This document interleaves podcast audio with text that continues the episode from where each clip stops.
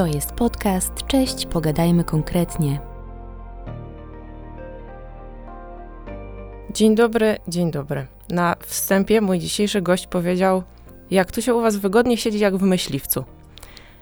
No to zdradza mniej więcej z kim będę dzisiaj rozmawiała. Dzisiejszy mój gość Witold Sokół. Dzień dobry. Pilot myśliwca MiG-29, instruktor, wykładowca w Lotniczej Akademii Wojskowej w Dęblinie i na dodatek jeszcze komentator pokazów lotniczych. Zgadza się. Witku, e, z racji twojego doświadczenia, e, wykształcenia zawodu, chciałabym, żeby nasza rozmowa dzisiaj toczyła się wokół dwóch głównych wątków, a mianowicie lotnictwa wojskowego i szkolenia przyszłych kadr dla branży lotniczej. I pierwsze pytanie, bo jesteś absolwentem już, y, czy swoją przygodę zacząłeś już na etapie liceum. Jesteś e, absolwentem liceum lotniczego. Skąd wówczas u tak młodego chłopaka zainteresowanie lotnictwem i to wojskowym? E, sięgam głęboko pamięcią, e, sięgam do przeszłości, mm, żeby znaleźć ten moment, zdefiniować ten moment, w którym to lotnictwo się pojawiło i niestety mm, nie jestem w stanie, dlatego że ono chyba, chyba zawsze było. Chociaż jest taki, jest taki moment, taki epizod, gdzie po raz pierwszy zostało wyartykułowane, kiedy zobaczyłem samolot, e, to moi rodzice wrócili z wycieczki, gdzie jedną z atrakcji był lot samolotem. Teraz już wiem, że to był AN2 mm, i opowiadali, dzielili się tam wrażeniami, więc ja miałem 100 tysięcy pytań do nich związanych z tym, e, z tym ich lotem. Byłem już tak, e, tak e, tam ich męczyłem tymi swoimi pytaniami, że któregoś razu tata w którąś niedzielę słoneczną odpalił swojego zaporożca. Mam nadzieję, że, że słuchacze będą wiedzieli, jak ten samochód wygląda. Ja go później roboczo nazywałem Mirage. Odpalił tego zaporożca i pojechaliśmy na lotnisko aeroklubowe w Zamościu. Ja tam zobaczyłem po raz pierwszy samolot. Proszę sobie wyobrazić, że do tej pory jestem w stanie powiedzieć, co to był za samolot. Odtworzyć sobie ten obraz, to był Zlin 42, na którym e, kilkanaście lat później latałem e, samodzielnie. Więc ja zobaczyłem ten samolot, zobaczyłem te, te, te zegary, tablica przyrządów. E, to mi tak zapadło w pamięci, w ogóle tak działało na wyobraźnię, że później to już wokół mnie pojawiały się samoloty w postaci modeli, E, I te modele, ja nie miałem cierpliwości do klejenia modeli. Od razu to były takie ulepki, e, więc jako ten kilku, kilku kilkunastoletni chłopak e, kleiłem te modele tak, tak byle jak, powiedzmy sobie, ale tam była inna wartość, bo jeżeli kupowałem sobie model Spitfire'a, model Jaka i kleiłem go w ciągu godziny, stawiałem na półkę, byłem dumny oczywiście z tego swojego efektu, ale ja czytałem o tym samolocie.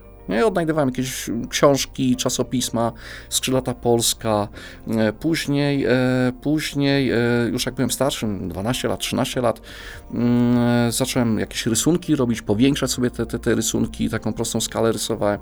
I wtedy, wtedy to dostrzegł taki mój wujek, który mieszkał w Warszawie, a on nas odwiedzał i powiedział o liceum lotniczym. A kolejną rzeczą było to, że w rodzinie też się pojawiła osoba, e, taki, taki pan Oleg Garbacz, e, który był absolwentem liceum lotniczego i był absolwentem ówczesnego WOS-u, czyli szkoły w Dęblinie.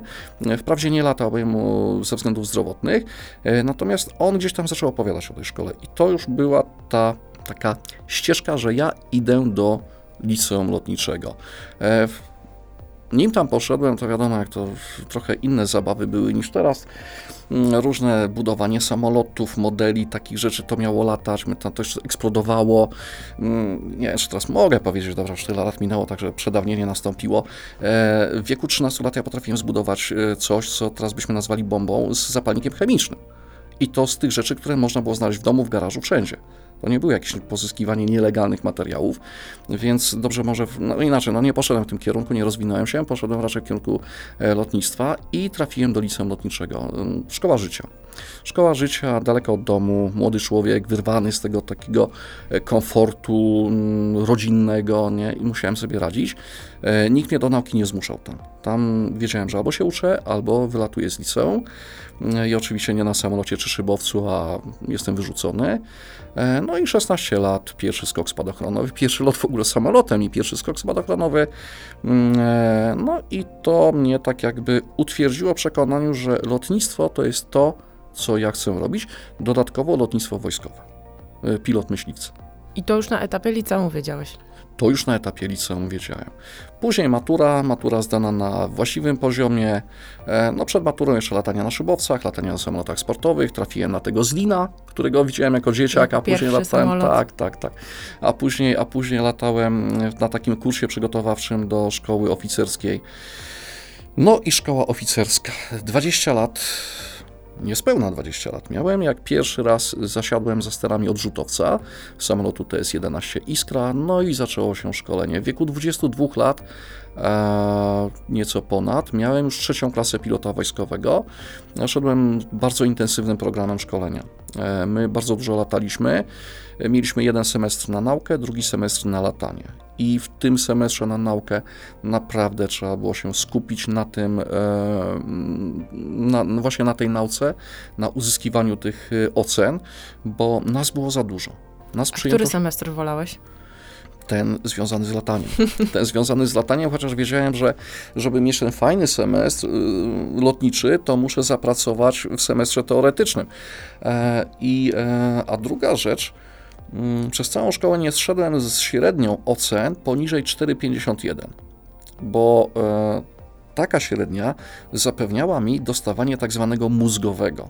To było takie stypendium specjalne mm, i co tu dużo mówić. No, jeżeli ktoś tego nie miał, to jego stać było tylko na jedną dobrą imprezę w miesiącu, a mnie było stać na trzy. No grunt to motywacja. Więc to była motywacja. E, a druga rzecz, no zdobywałem wiedzę. Bardzo, bardzo łatwo mi to przychodziło.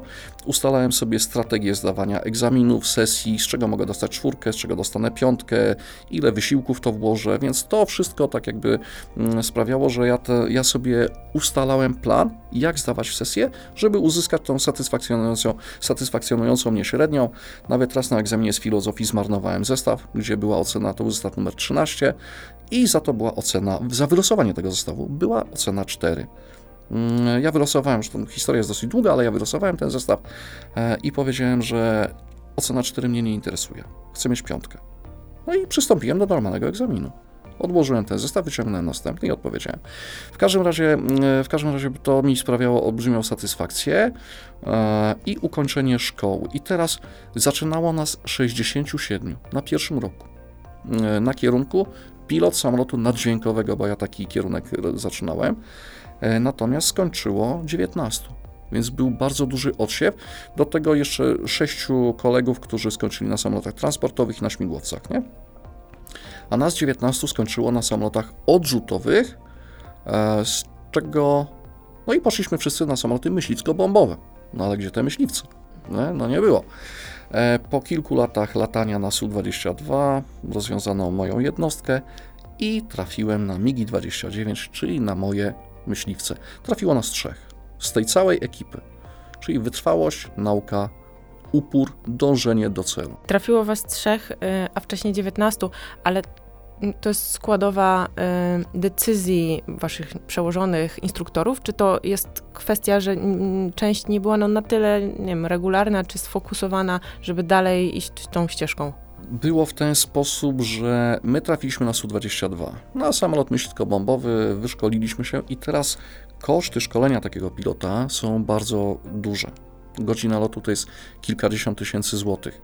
A my mieliśmy po kilkaset godzin wylatanych, więc teraz ten nożnik, więc y, nasi przełożeni nie byli chętni do tego, żeby wypuszczać z jednego typu samolotu na drugi. Ja to zawsze mówię, że zresztą powtarzam to może nie mówię, ale powtarzam, że szczęście sprzyja dobrze wyszkolonym.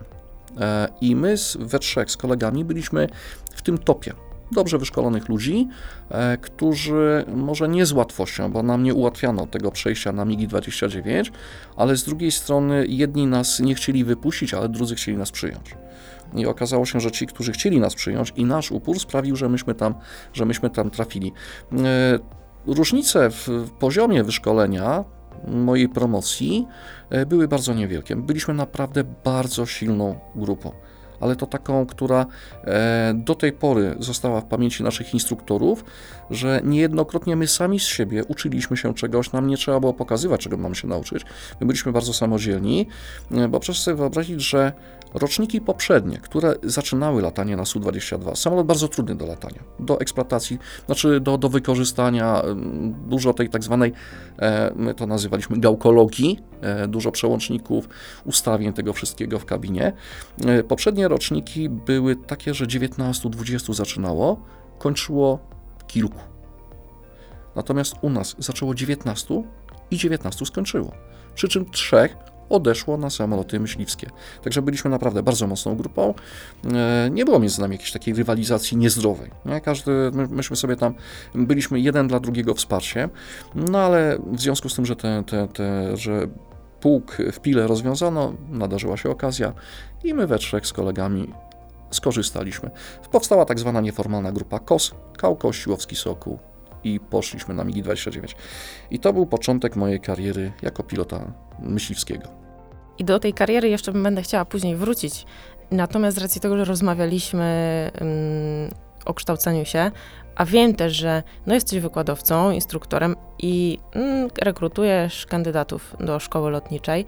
Mm, to czy teraz to wygląda tak samo? Czy tych chętnych jest znacznie więcej niż miejsc? Y, czy ta determinacja jest tak samo duża, czy wręcz odwrotnie? Młodzież należy zachęcić do y, w ogóle zainteresowania się branżą lotniczą.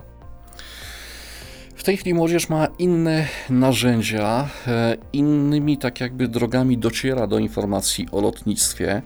Mm, jednak e, półtora miesiąca temu, dwa miesiące temu byłem w komisji rekrutacyjnej.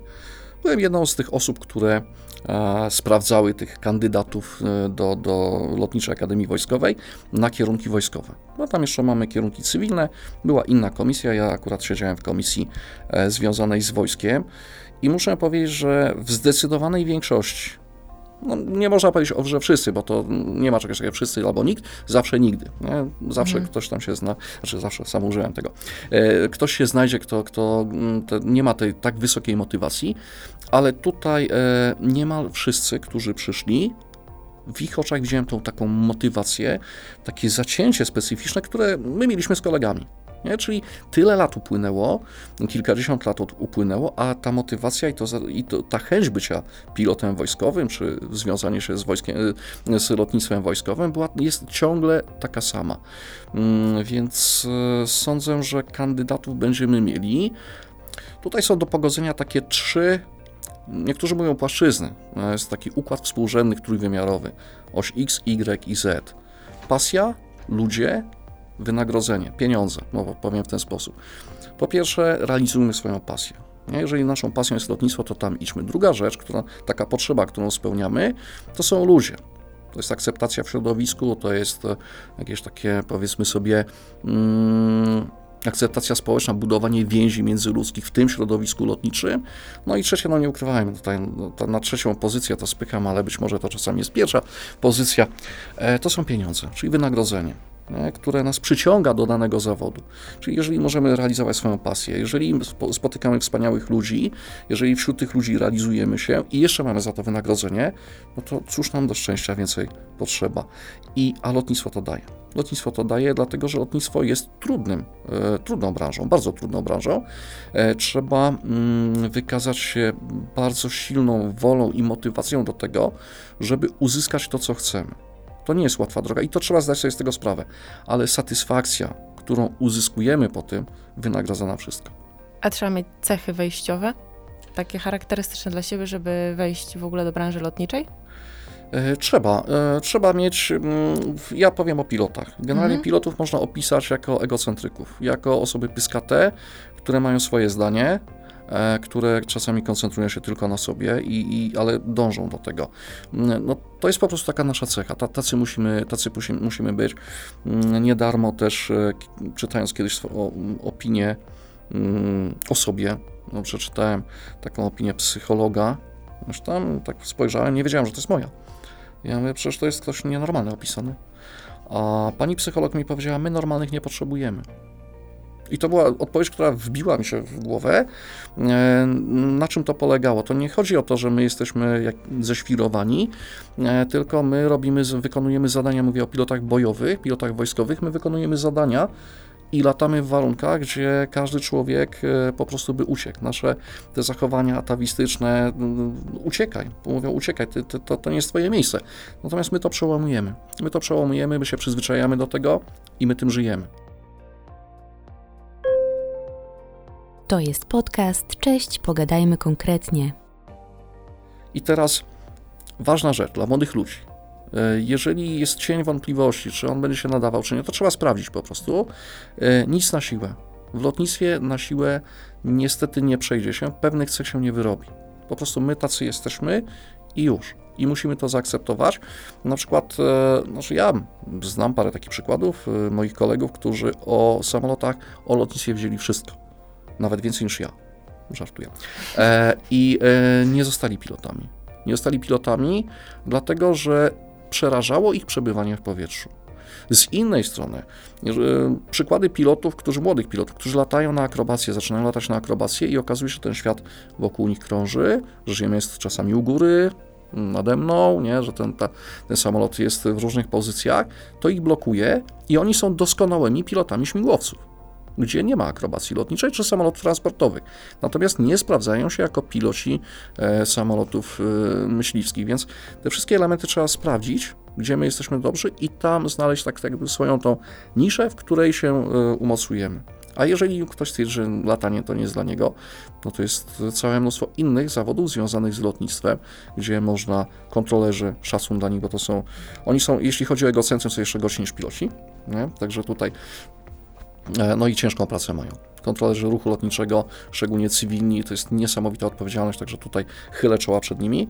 E, natomiast, e, natomiast jest obsługa, jest handling, wszystkie te rzeczy, gdzie, gdzie można trafić i można być z tym lotnictwem i realizować się. Tak, to zdecydowanie. Jest mnóstwo zawodów, które można wykonywać z pasją w lotnictwie. Tak, nawet, nawet naprawiać samolot. Dokładnie, zdecydowanie. E, no dobra, ale wróćmy do tej twojej kariery. E, z tego co wiem, masz 1500 wylatanych godzin na myśliwcach. Około. Około, dobra, około 1500. Są misje, które zapadły ci szczególnie w pamięć? E, są takie loty, które pamiętam niemal od wejścia do kabiny mm, do wyjścia, ale tych lotów jest niewiele. Zazwyczaj zapamiętuję epizody. Jak sobie teraz odtwarzam tak e, w głowie, mm, bardzo dużo lotów pamiętam, ale to są takie, to są takie epizody, coś, co z tego lotu wyciągnąłem. I tutaj muszę powiedzieć, przyznać się podatnikowi, moje szkolenie i loty nie były tanie. Ale proszę mi wierzyć, że zawsze te 3-4 minuty brałem tylko i wyłącznie dla siebie po to, żeby, żeby mieć przyjemność, mm, żeby zbudować sobie jakąś taką fajną, przyjemną kotwicę, no bo były loty bardzo ciężkie. Były różne misje, gdzie naprawdę trzeba było e, polecieć i bardzo długo przygotowywać się do nich. W powietrzu nie było łatwo, natomiast ja nie mogłem kojarzyć, to było coś, co przy, no, duży wysiłek to wkładałem, e, gdzie coś musiałem poświęcić. E, z takiego lotu zawsze te trzy minutki brałem dla siebie ja te trzy, zawsze trzy minutki pamiętam. Pamiętam taką sytuację, mm, to, to piękne widoki przede wszystkim, to, to lotnictwo. E, spotkałem się tylko jeden, jedyny raz w życiu z pogodą, gdzie chmury były wybudowane pomiędzy dwoma warstwami chmur, rozciągały się jeszcze takie, tak jakby kolumny. Wyglądało to jak jaskinia olbrzyma. Tak jakbym znalazł się w takim świecie fantazji, gdzie, zresztą ja lubię filmy fantazji i literaturę, mm, gdzie sobie mogę tym samolotem polatać, myśliwcem, z prędkością kilkuset kilometrów na godzinę, gdzie mogę sobie polatać. Jestem takim czymś małym, co tam sobie lata. To było piękne. E, jeszcze zachód słońca, te kolory, to wszystko było super. E, więc, e, więc to mm, takie rzeczy zapamiętałem. Zapamiętałem rzeczy trudne. E, zapamiętałem sytuacje awaryjne, e, które zdarzyły mi się w powietrzu i gdzie musiałem sobie radzić. E, zacząłem zastanawiać się, zaczynam teraz zastanawiać się, jak ja funkcjonowałem. Po prostu mnie, mi odcinało jakikolwiek strach. Wchodziły procedury, ja wiedziałem, że ja muszę się uratować, muszę zrobić to, to, to po kolei. Jeżeli pomylę się, no niestety nie wrócę. Na całe szczęście dużo tych lotów nie było, dwa takie. I jak widać, nie pomyliłeś się. Nie pomyliłem się. E, kolejna rzecz, którą, którą zapamiętam, to jakieś takie sytuacje fajne, gdzieś e, coś, co zapada mi, szkolenie lotnicze, jakieś pierwsze, pierwsze elementy. Mój pierwszy lot pokazowy, który wykonałem, który schrzaniłem totalnie, no ale byłem zadowolony, bo, znaczy ja nie byłem zadowolony, ale, ale dobra, okej, okay, był pierwszy, ale też pamiętam e, kolejne loty pokazowe, bo byłem no, przez jakiś czas latałem jako pilot pokazowy na MiG-29, gdzie wyszło mi wszystko od wejścia do kabiny do wyjścia z kabiny, bo mm, poziom samoświadomości i do, dążenia do tego absolutu, do tej doskonałości sprawiał, że z większości lotów zdecydowanie ja nie byłem do końca zadowolony. Zawsze było coś, co mógłbym zrobić lepiej. To nie znaczy, że robiłem to na słabym poziomie, robiłem to na bardzo wysokim poziomie, ale były jeszcze takie, takie poczucie, że ok, jeszcze to mógłbym zrobić troszeczkę wyżej. Mm, a tak jak mówię, dwa loty w roku, jeden czasami, to były takie, że perfekt. Wyszło mi wszystko tak jak należy, nie było żadnych tam, tak jak instrukcyjnie to powinno wyglądać, bo mm, czy lądowanie, bo pamiętam taki epizod, byłem już instruktorem, latałem pokazowo i nagle zacząłem psuć lądowanie. Po prostu tym samolotem uderzałem w ten pas, tak jak e, piloci mówią, że mało mi plomby z zębów nie powypadały przy tym lądowaniu, bo to było takie uderzenie jak na lotniskowcu, prawie jak Maverick tam tym F-18 o pokład lotniskowca uderzałem znaczy nie lotniskowca, tylko tego pasa. E, młodzi piloci byliby wtedy, dostaliby porządny ochrzan za takie lądowanie, a ja do, byłem doświadczonym pilotem już i lądowałem. W końcu nie wytrzymałem i poszedłem, poszedłem do szefa szkolenia, mówię, Jacek, coś się ze mną dzieje, nie potrafię określić, znaleźć przyczyny, dlaczego ja tak ląduję. Mówię, cztery lądowania i za każdym razem cieszę się, że ten samolot może drugi raz polecieć, że on się tam nie rozpadł na tym pasie. Mhm. No więc Jacek mówi, no dobra, no sprawdzimy. No, zaplanowaliśmy lot, poleciałem na, na dwusterze. E, lądowanie mi wyszło perfekcyjne. Po prostu to, było, to była perfekcja e, sama w sobie. Oczywiście Jacek to określił, e, powiedział, co mu tam zawracam. Nie? No dobra, powiedzmy, że gitarę mu zawracam, że jak, mam jakieś takie, takie rzeczy, ale ja ten lot pamiętam to, to, to, to lądowanie akurat. No były takie, były takie... A po tym locie następne lądowania już były... Nie, no były, następne lądowania były już takie dokładnie takie, jak powinny być, nie? Okay. E, to była gdzieś taka chwila słowości, takie, nie wiem, czy może przepracowanie, czy było zmęczenie, za dużo, no naprawdę wtedy intensywnie lataliśmy, ale też mm, fajne to było, co u siebie zauważyłem, ale u kolegów to samo było, że potrafiliśmy mówić o swoich błędach. I do tej pory, do tej pory częściej mówimy o lotach, które gdzie popełniliśmy jakieś błędy i o sposobie ich na, yy, poprawienia, niż o tym, co nam wyszło perfekt. Nie? Bo to perfekt to wiadomo, tak powinno wyjść. Natomiast e, pojawiają się jakieś błędy, pojawiają się jakieś rzeczy, które gdzieś, mm, to są drobne sprawy, które gdzieś coś nie wyszło, ale my to naprawiliśmy. I o tym bardzo chętnie rozmawiamy, bo moim celem jest przekazać też młodym ludziom e, to i sprawić to, by oni tych błędów nie popełnili już. Nie? Żeby ta moja nauka, już się tego nauczyłem, żeby tą moją naukę przekazać. No, lotnictwo wojskowe i lotnictwo cywilne mm, to są trochę dwa różne światy. Tak. I tu pojawia się port Solidarność, który, mm, no oczywiście ma być głównie e, lotniskiem e, cywilnym, pasażerskim, ale ma też e, no, mieć taką funkcję, czy spełniać wymagania dual use, czyli w razie potrzeby będzie mogło z niego skorzystać wojsko. Co według Ciebie, jako pilota, myśliwca, pilota wojskowego, czym y, takie lotnisko powinno się charakteryzować? Powiem w ten sposób.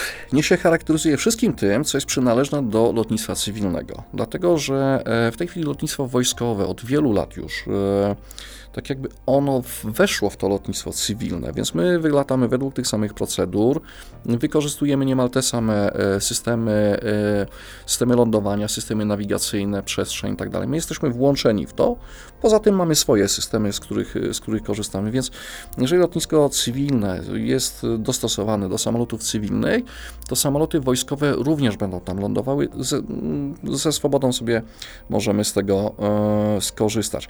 I to jest czas pokoju. Natomiast jeżeli byłby kryzys, jeżeli byłaby wojna, gdzie to lotnisko należałoby wykorzystać jako, lotni- jako miejsce stacjonowania samolotów bojowych, e, samolotów transportowych, e, które prowadzą transport wojska, my to wykorzystamy mm, i tutaj i tu oby zawsze było tylko wykorzystywane jako lotnisko stricte cywilne, natomiast e, wojsko w czasie pokoju w jaki sposób może takie lotnisko wykorzystać jako lotnisko zapasowe, bo mm, i do tej pory tak jest, że wykorzystujemy lotnisko, że port lotniczy Fryderyka Chopina jako lotnisko tak zwane alternate, jeżeli powiedzmy sobie w Mińsku Mazowieckim, czy gdziekolwiek coś się wydarzy, jest zablokowany pas i jest mało paliwa na dolot do Dęblina, do Radomia, nie wiem, do Powiza, już nie mówię o dalszych lotniskach, czy do Łasku, to myśmy korzystali z y, Okęcia nie, z, z, z, portu lotniczego imienia Fryderyka Chopina, e, więc e, w czasie pokoju to lotnisko może być dla nas jako, jako lotnisko zapasowe, mm, e, gdzie w razie sytuacji awaryjnej, awaryjnej na swoim lotnisku ja tam wyląduję, czy w powietrzu, jeżeli wystąpi sytuacja, gdzie muszę błyskawicznie wylądować, a są takie sytuacje, a nie ma w pobliżu lotniska wojskowego, no to mogę to wykorzystać w ten sposób. E, natomiast jeśli chodzi o, jeśli chodzi o czas kryzysu i wojny, no to wtedy wiadomo, cała gospodarka, całe, wszystkie nasze branże przechodzą na ten, e, na ten e, system pracy w warunkach e, kryzysu czy wojny. No i wtedy, wtedy te lotniska cywilne są dostosowywane na potrzeby sił zbrojnych, na potrzeby wojska. Także niech, niech nasz ten duży hub, który powstanie, pełni swoją tą podstawową rolę. Wojsko do tego się dostosuje w czasie pokoju, w czasie wojny wykorzysta w pełni, na ile to tylko będzie możliwe.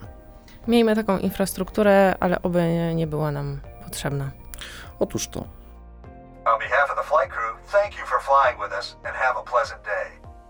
Kończąc rozmowę, no nie mogę nie zapytać, e, czy nadal latasz?